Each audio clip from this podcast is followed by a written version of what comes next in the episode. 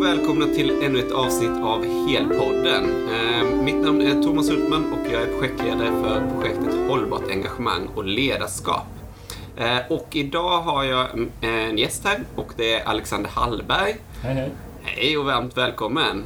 Eh, du har ju en lång erfarenhet av det unga civilsamhället, vill jag säga. I framförallt rollen som förtroendevald känner jag till.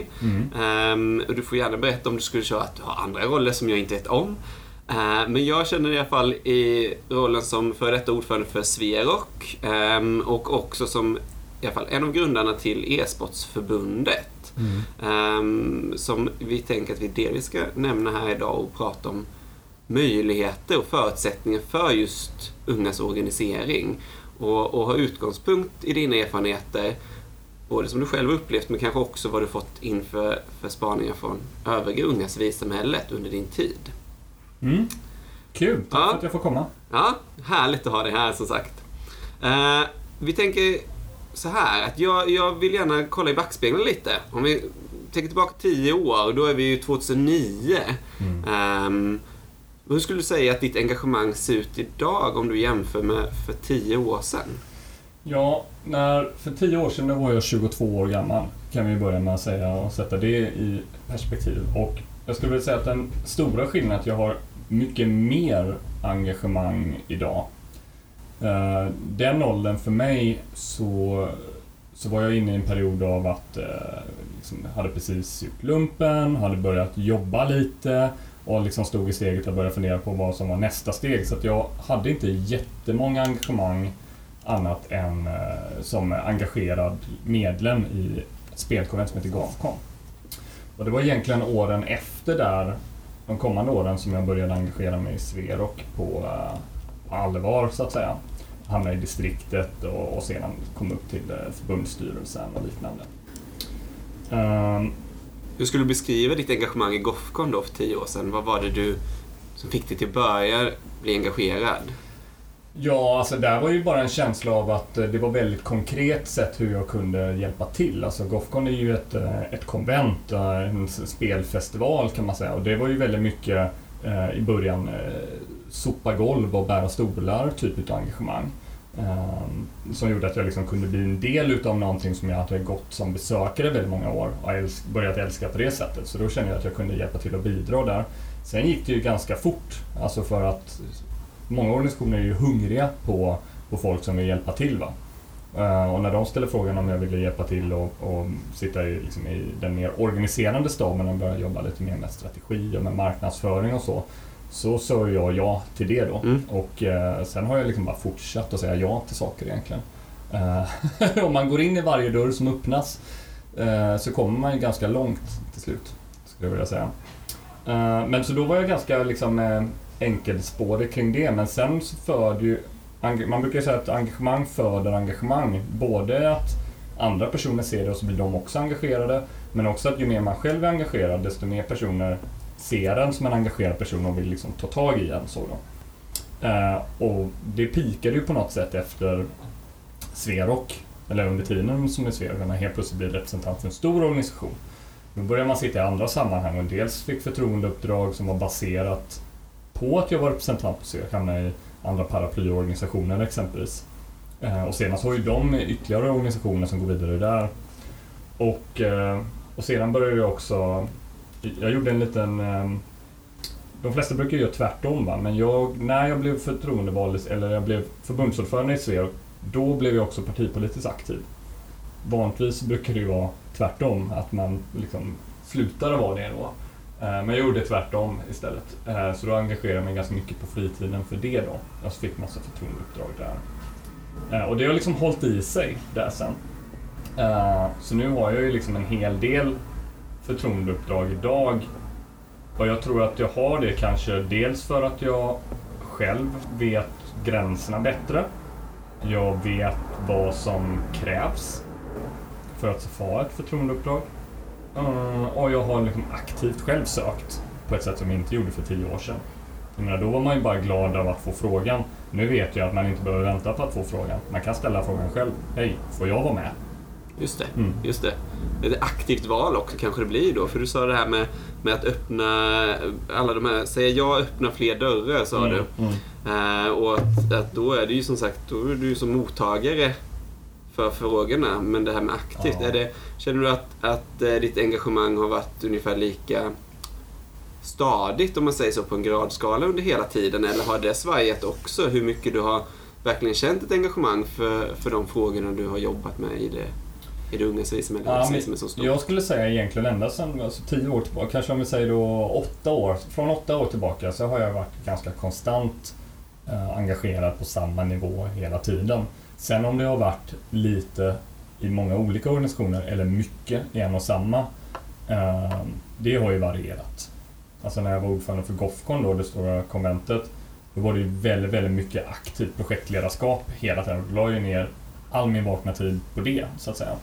Men i Sverok så fick man ju också eh, när det var mer strukturerat och mer ordnat och liksom en stab och budget och, och en massa medlemmar på ett lite annat sätt eh, så var det också kanske viktigare att kunna begränsa det. I projektledarskapet i, i, i Gofcon, där kunde, hade jag lite mer fria tyglar så att säga. Men i, i Sverok också man, representerar man liksom inte sig själv på det sättet och måste fundera mycket mer på liksom, hur engagemanget ser ut och då kan det också vara viktigare att ha en, en, en fritid. Just det. Och jag tänker det, vi ska fastna vid det för att, och sen återkomma till det mer organisatoriska. Just det med att fritid. Vad, vad är din syn på just det här med hållbart engagemang som ändå så är det vi vill verkligen lyfta fram i det här projektet och i de här poddarna. Mm. När du själv ska vara hållbar, vad tar du avstamp i då? Alltså, jag tar mycket avstamp i att jag ska ha en, liksom, en väldigt tydlig känsla av sammanhanget som jag är i. Om jag känner att jag vet vad min roll är och att jag känner mig trygg i Eh, mitt ansvar och mitt mandat så blir det liksom väldigt mycket lättare att ha ett, ett givande engagemang. Alltså att för en sak är, man brukar ju säga att det ska vara roligt hela tiden, men det är ganska mycket engagemang som inte är roligt, men som kan vara givande eller nyttigt eller viktigt så att säga. Men så fort det liksom blir liksom lösa boliner, att gör lite vad du vill, då, då blir det, och det kräver väldigt mycket egen tankekraft att bara sätta ramarna från första början. Det blir inte givande för min del så att säga. Så det är ganska viktigt för mig att veta exakt så här, vad är det jag tillför här? För då blir det en, även om det skulle bli stressigt så kanske det blir en positiv stress snarare. Alltså att det blir energirikt och man kan känna att man, liksom, att man går framåt hela tiden. Och sedan så är det också såklart att eh, prioritera mig själv och liksom spela spel och umgås med kompisar och, och göra andra saker. Jag menar, men i Sverok också var ju mitt sätt att koppla av från engagemanget var att engagera mig i ett annat förbund. För att där var det, där höll jag på med spel och medlemmar hela dagarna. Så då behövde jag något annat. Så då gick jag med ett politiskt parti istället och snackade politik och föreningar på fritiden. Och det blev så här, eh, och då var det liksom två typer utav, två typer av engagemang och de gav mig olika saker och det var helt olika ansvarsområden. Så då blev det en avslappnande miljö. Framförallt också eftersom där kunde jag hela tiden, där var jag med, när jag hängde med medlemmar där, då var det mina kompisar plötsligt.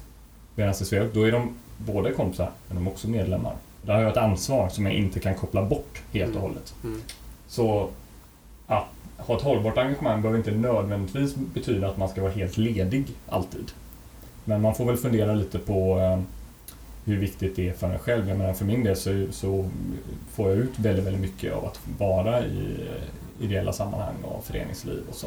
Men det är också för att jag känner mig trygg med ramarna. Just det. Och forskning visar ju att det här med, med pliktlagd, om man, om man har en uppgift som är pliktlagd så ger inte det total återhämtning.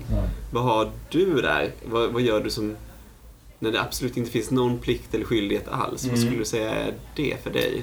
Nej, men det beror lite på. Alltså, jag kan ju känna en, en stark känsla av att få av att bidra med, alltså att jag kan bidra med någonting som ingen annan har bidragit med. Alltså om man är, hamnar i en styrelse som är lite sömnig, då vet jag att det krävs ganska lite arbete från min sida att kunna åstadkomma ganska stora förändringar. Eh, och, och det kan lyfta en hel styrelse genom att en person liksom anstränger sig lite mer och visar att hej, det går faktiskt. Eh, Jag brukar säga att det krävs egentligen, oavsett hur stor styrelse är, så krävs det bara två personer för att få liksom, den dagliga verksamheten att gå runt. Om man kan bolla, få energi av varandra hela tiden, så kan man dra alla andra med sig liksom, och sen lyfta. Eh, Så plikt har egentligen aldrig varit en särskilt stark drivkraft för mig på det sättet skulle jag inte vilja påstå. Mm. Utan det har nog snarare varit känslan av att eh, få eh, bygga något, få uppmärksamhet, få cred till viss del. Mm. Men framförallt också att bara känna att jag skapar någonting. Mm. Jätteintressant. Mm. Och det är ju det som vi som ska återkomma till nu. För att när jag liksom har kollat lite på din bakgrund, som sagt jag, vi har träffats innan i olika sammanhang. Då, det dök upp tydligast hos dig nu när jag, när jag gjorde den här sökningen, det var ju delvis så har vi Sverok som firar 30 år som Mm. organisation, så en relativt gammal organisation får man väl säga. Mm. Och sen har vi det Svenska e-sportsförbundet, Mm. som, hur många år är det nu? Ja, det borde väl vara tre år nu. Ja, Tre och ett halvt. som är ju då väldigt nytt. Mm. Ehm, och det är ju väldigt spännande att se då kanske på skillnaderna här. Vad, vad det finns för utmaningar och möjligheter i arbetet för ett hållbart engagemang. Mm. Om du tänker liksom i de stora ramarna, vad ser du för skillnad i det där att kunna bygga ett hållbart engagemang för hela organisationen? Ja, det svåra i när man börjar med ett litet eh, förbund så och startar från början, det är ju att, att möjligheterna är ju oändliga, så att säga. Eh, för att man är helt, man vet inte riktigt vad som är möjligt och vad som inte är möjligt. Utan man liksom så här, ska, ja men vi börjar med strategi direkt.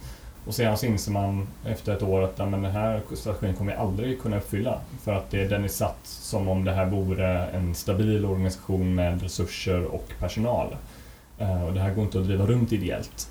Eh, man, och man kanske prat, börjar jobba mer med liksom organisatoriska saker för tidigt innan man har en tydlig verksamhet att fylla det i.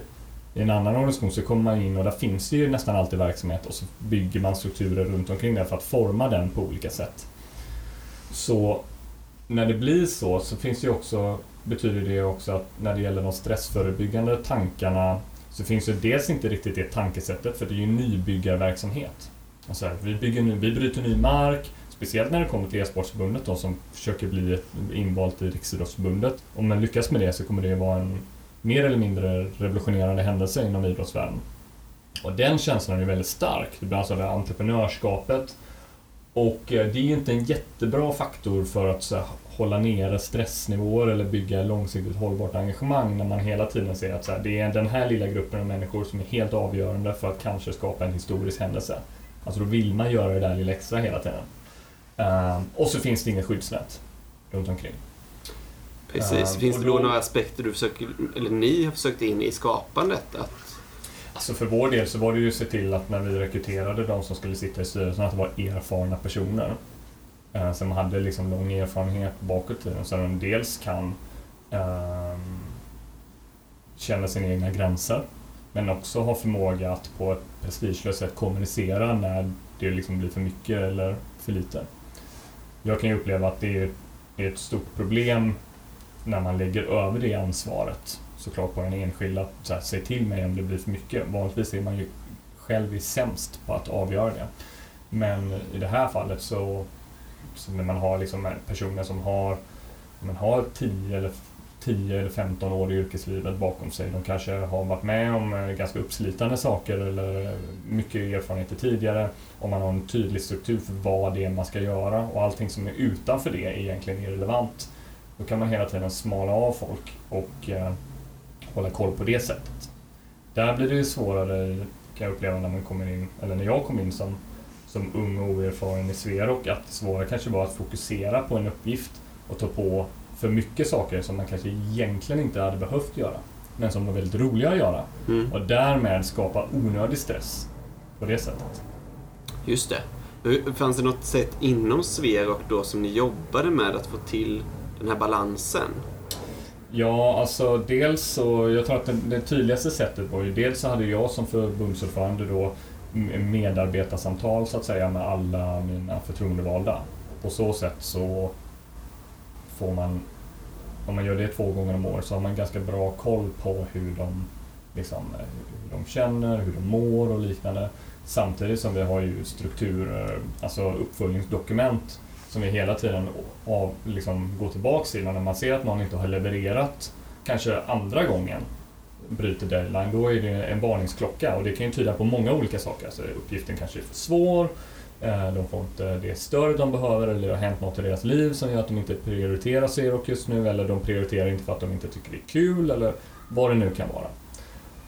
Så det är ju väldigt bra liksom att ha sådana eh, rutiner som gör att man liksom tvingas reflektera över den här frågan. Och sedan som förtroendevald själv så hade ju jag sådana medarbetarsamtal så att säga med min kanslichef. Då. Så då blir det liksom min bollplank åt det hållet. För det är kanske är det som är det svåraste. Vem är det som kontrollerar ordföranden egentligen? Just det. Du känner att det här är en utsatt grupp? Så det, jag tror att det är många som underskattar hur ensamt det är på toppen så att säga. Men det behöver inte vara det. Man måste bara hitta liksom en struktur för hur man kan eh, liksom hantera sina egna arbetsmiljöfrågor. Vissa räknar timmar. Andra har en mentor som de pratar med ofta. Andra liksom eh, ackorderar in sig i liksom ett, ett beslutande system. För min del så sa du att, sa jag att eh, jag skulle, och det fick jag från min företrädare Rebecca Petrell Ehm, tipset om att för alltid ha två lediga dagar i veckan. Sen om de råkade vara på en helg eller inte, det var egentligen irrelevant. Liksom. Men jobbar jag hela helgen, ja, men då kanske jag var ledig på måndag, tisdag. Eller i alla fall måndag, torsdag. Och på så sätt så höll man ju hela tiden en jämn balans. Liksom. Eh, och om man, om man verkligen bestämmer sig för att det är så, ja men då brukar det funka ganska bra. Och jag tänker på det här också när man, när man pratar om de här organisationerna. Det här med nyskapande, man har driv framåt. Mm. Som i Svenska e-sportsförbundet. Att mm. verkligen få till en, en förändring.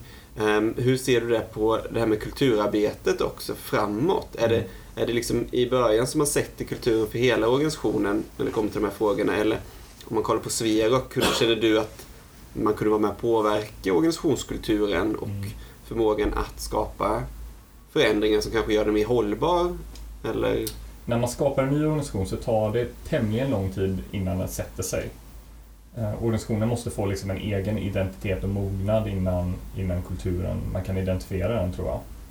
För det är så himla personberoende i början.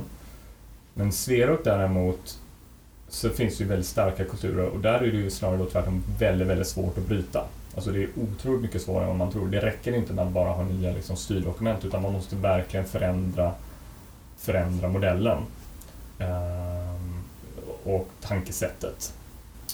Och eh, det är ju en stor utmaning skulle jag säga för att göra det. Man måste verkligen bestämma sig för att okej, okay, vi ska förändra den här lilla grejen. Då kanske man också måste förändra fyra, fem olika relaterade saker. För ofta så är det ju, finns det ju logiska anledningar till att liksom arbetssättet ser ut som det gör. Och sen för att man har byggt olika system som hakar i varandra. Och det tror jag också är, är nyckeln till hållbarheten, alltså dels eh, en slags eh, personlig mognad, eller man säger, en personlig trygghet, men också att man har system som främjar hållbarhetstänket. Liksom.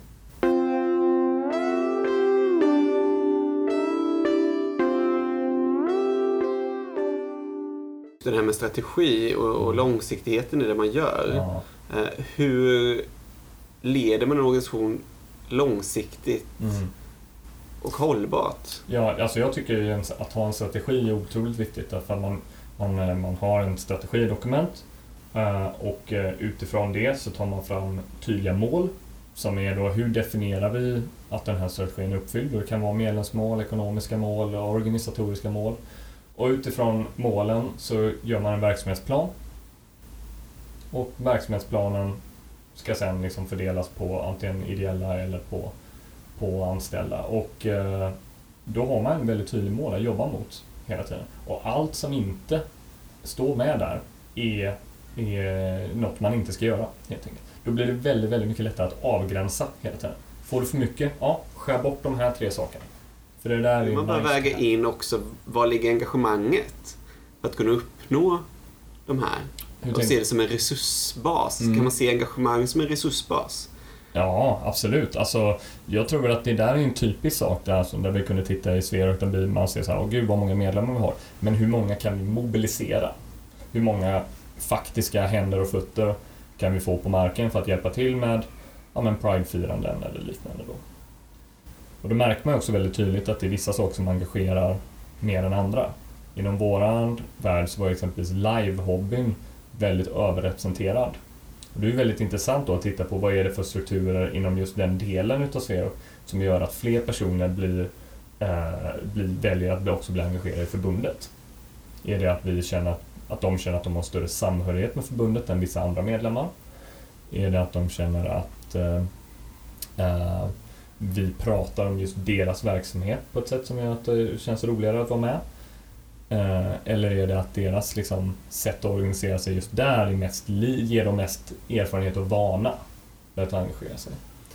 Så där kan man ju titta på och verkligen fundera på fundera på, eh, på det ur ett resursperspektiv. För en stor skillnad blir ju att man, man kan ju rekrytera in i döddagar men ändå sitta där och känna gud, det är ingen som vill ställa upp till något förtroendeuppdrag. Men det är för att man har jobbat på fel sätt. Det är bättre att rekrytera en person som blir aktiv än tio som inte engagerar sig. Andra organisationer, alltså de politiska ungdomsförbunden, de är ju nästan alltid tvärtom. Alltså de ju, kräver ju väldigt mycket av sina medlemmar att man ska kampanja, man ska driva politik och man ska hålla på där och jobbar hela tiden med att skapa det engagemanget. Och där tror jag faktiskt att övriga civila samhället kan lära sig ganska mycket ifrån eh, eh, de politiska partierna om hur man eh, både liksom eh, ger ansvar men också ställer frågan och utbildar sina medlemmar till att bli förtroendevalda och till att bli ambassadörer för, för organisationen. Om man tänker då att väga in en långsiktig plan, vilka mm, huvudaspekter tycker du man ska ha med sig i det tankesättet och strategin för att göra det hållbart? Ja, alltså jag tror att man ska dels tänka på, är det möjligt? Alltså är det liksom, vad har vi för, vad baserar vi de här målen på till att börja med? Har vi någon slags analys eller är det bara ett finger i luften? Eh, två, vem är det som ska göra det? Så att man kan fundera på det redan i början. Eh, och sedan så är det inte heller sällan dumt att eh, gruppera saker. Alltså att man säger är det kansli eller förtroendevalda eller vilka är det som ska göra. Och så lägger man liksom lappar eller vad det kan vara. Då ser man ganska snabbt hur staplarna ser ut. Och sen också titta bakåt. Vad är det för, hur, går det med, hur har det gått med vår måluppfyllnad hittills? Om vi ständigt eh, underlevererar eller ständigt är liksom fyra, fem punkter i verksamhetsplanen som man inte uppfyller, ja då kanske man ska fundera på hur man antingen utformar verksamhetsplanerna eller vad som står i dem. Mm. Så om man följer upp och för statistik eller tittar på det här strukturerat hela tiden så upptäcker man ganska intressanta saker som man kan ta med sig i framtiden. Så du hoppas att just nu sitter ledningen på Sverok och kollar på dina lärdomar? Ja, framförallt så hoppas jag att de kollar på mina misstag och, och ser liksom eh, Ja, det där gjorde Alex skitdåligt, det ska vi aldrig göra om. Vilken tur att han gjorde, vilken tur att han gjorde det felet, liksom, så slipper vi göra det. Men också våga utmana dem. Så det är väl den stora utmaningen är väl att det är lätt att identifiera saker som är bra, det är lätt att identifiera saker som är dåligt. Men det där som liksom, nej, det liksom bara rullar på. Och därav strukturen sitter. Det är ju det svåraste. Just. Det är där man ska titta. Mm. Fråga sig själv, funkar det här bra? Jag vet om man inte kan svara på frågan om det funkar bra eller dåligt. Ja, mm. kanske man ska göra någonting åt det. Um, jag tänker en, en annan förutsättning som eh, våra medlemmar ofta nämner och, och även du själv har varit engagerad i frågan om statsbidrag Eh, och finansiering till det unga civilsamhället. Mm. Eh, och det är ju en förutsättning också ofta, en, en resurs som sagt som organisationer har eller inte har, den ekonomiska biten helt enkelt. Mm. Och sedan 2011 eh, så har ju statsbidraget varit i princip oförändrat. Mm. Um, och um, ligger nu på liknande nivå som 2006. Mm. Um, och om vi kollar på årets siffror när vi gör vår årliga undersökning så anger 48 procent av um, de organisationer som svarar att de fått lägre medel eller avslag på sin ansökan om statsbidrag. Och det betyder ju att man har väldigt mycket mindre rörelse på mm. relativt då. Mm. Eh, vissa har en högre grad och andra har en lägre grad. Och en annan siffra som vi har det är att 50 procent av de anställda bland våra medlemsorganisationer i det unga civilsamhället säger att osäker finansiering är en av de tre största stressfaktorerna eh, i sin arbetsmiljö och sin mm. vardag. Mm. Och 50 procent av de anställda har också svarat att de har förväntningar på sig att finansiera sin egen tjänst. Mm. Och det, ju, det ligger mycket i det här med också stress och hållbarhet, både mm. bland de förtroendevalda och, och de anställda. Um, vad ser du, liksom, hur har du sett det här med finansiering och, och tillgången till ekonomiska resurser? Vad, hur, mm. hur, är det med det långsiktiga? Jag skulle, vilja, jag skulle vilja börja med att haka i det här om stress. Alltså jag tycker det är djupt problematiskt ur ett arbetsgivarperspektiv att säga men du ska finansiera din egen tjänst. Uh, jag tycker inte att det är ett bra sätt att bedriva verksamhet på. Jag tror dessutom att erfarenheten visar att det inte funkar. Det funkar väldigt, väldigt dåligt. Eh, provision är möjligtvis ett system som funkar, men det är också synnerligen olämpligt för ungdomsrörelsen. När det kommer till ideella, att de säger det som ett arbetsmiljöproblem, där tror jag att man kanske snarare måste titta på, eh, alltså där tror jag snarare det handlar om, om eh, att man måste känna en större trygghet i sitt ledarskap. Alltså man är inte ensamt ansvarig för om, ett, om sitt förbund går och pipsvänger på grund av att man inte har ekonomi. Man kan inte, man kan, det är helt orimligt att man själv tar på sig allt det psykiska ansvaret för att göra det. Det är hela styrelsens ansvar, det är alla medlemmarna som är med och eh, bär det ansvaret och eh, man måste jobba på det tillsammans. Sen då så tycker jag också att det är eh, jag tycker att det är helt orimligt att vi har att statsbidragen inte har räknats upp. Jag tycker att det är helt rimligt att de ska dubblas så som LSU har drivit. Eh, men eh, om inte som absolut lägsta ska de åtminstone kunna liksom indexeras upp till, till nuvarande, eh, nuvarande inflation, så att säga. Eh, och jag kan inte riktigt förstå varför man inte har gjort det. Alltså jag tycker att det finns en, en att det visar att egentligen, och det har väl de, egentligen alla de olika regeringarna och politiska partierna liksom uttalar sig positivt till ungdomsrörelsen men sen så levererar de väldigt sällan. Och det tycker jag är väldigt tråkigt. Och där kan jag ju säga också att där kanske lösningen framåt där är helt enkelt att be dem att ta statsbidrag som idag är väldigt riktade och ta och lägga i det generella. Och det är väldigt viktigt för att de här pengarna kan användas för att ta in expertis som annars saknar. Jag tror att det finns en stor risk att eh, många organisationer bara trampar på i samma hjulspår, samma misstag hela tiden om man inte kan behålla kompetent personal. Ett stort problem är att vi har låga löner och därmed har en ständig liksom, rekryterings... Alltså ständigt rekrytera människor. Att kunna ha en medlems... Eh, en föreningsutvecklare exempelvis och behålla den i 5-6 år. Kort tid i andra arbetssammanhang, lång tid i ungdomsrörelsen superviktigt. För att de flesta av de som kommer, de kanske själva är unga, deras erfarenhet är bara några år själva. Jag tror att det är väldigt, väldigt stor nytta att kunna anställa en äldre person som har lång erfarenhet av strategiskt arbete och medlemsutveckling och ledarskap ifrån andra organisationer. Eh, och det kan man inte om man inte har tillräckligt med resurser. Och den andra handlar bara om organisatorisk stabilitet. Att kunna exempelvis lägga ut, köpa sig ett ordentligt medlemssystem som e-bas exempelvis eller eh, ta och lägga ut redovisning, ekonomisk redovisning på en, eh, en ekonomifirma eller anställa en ekonom.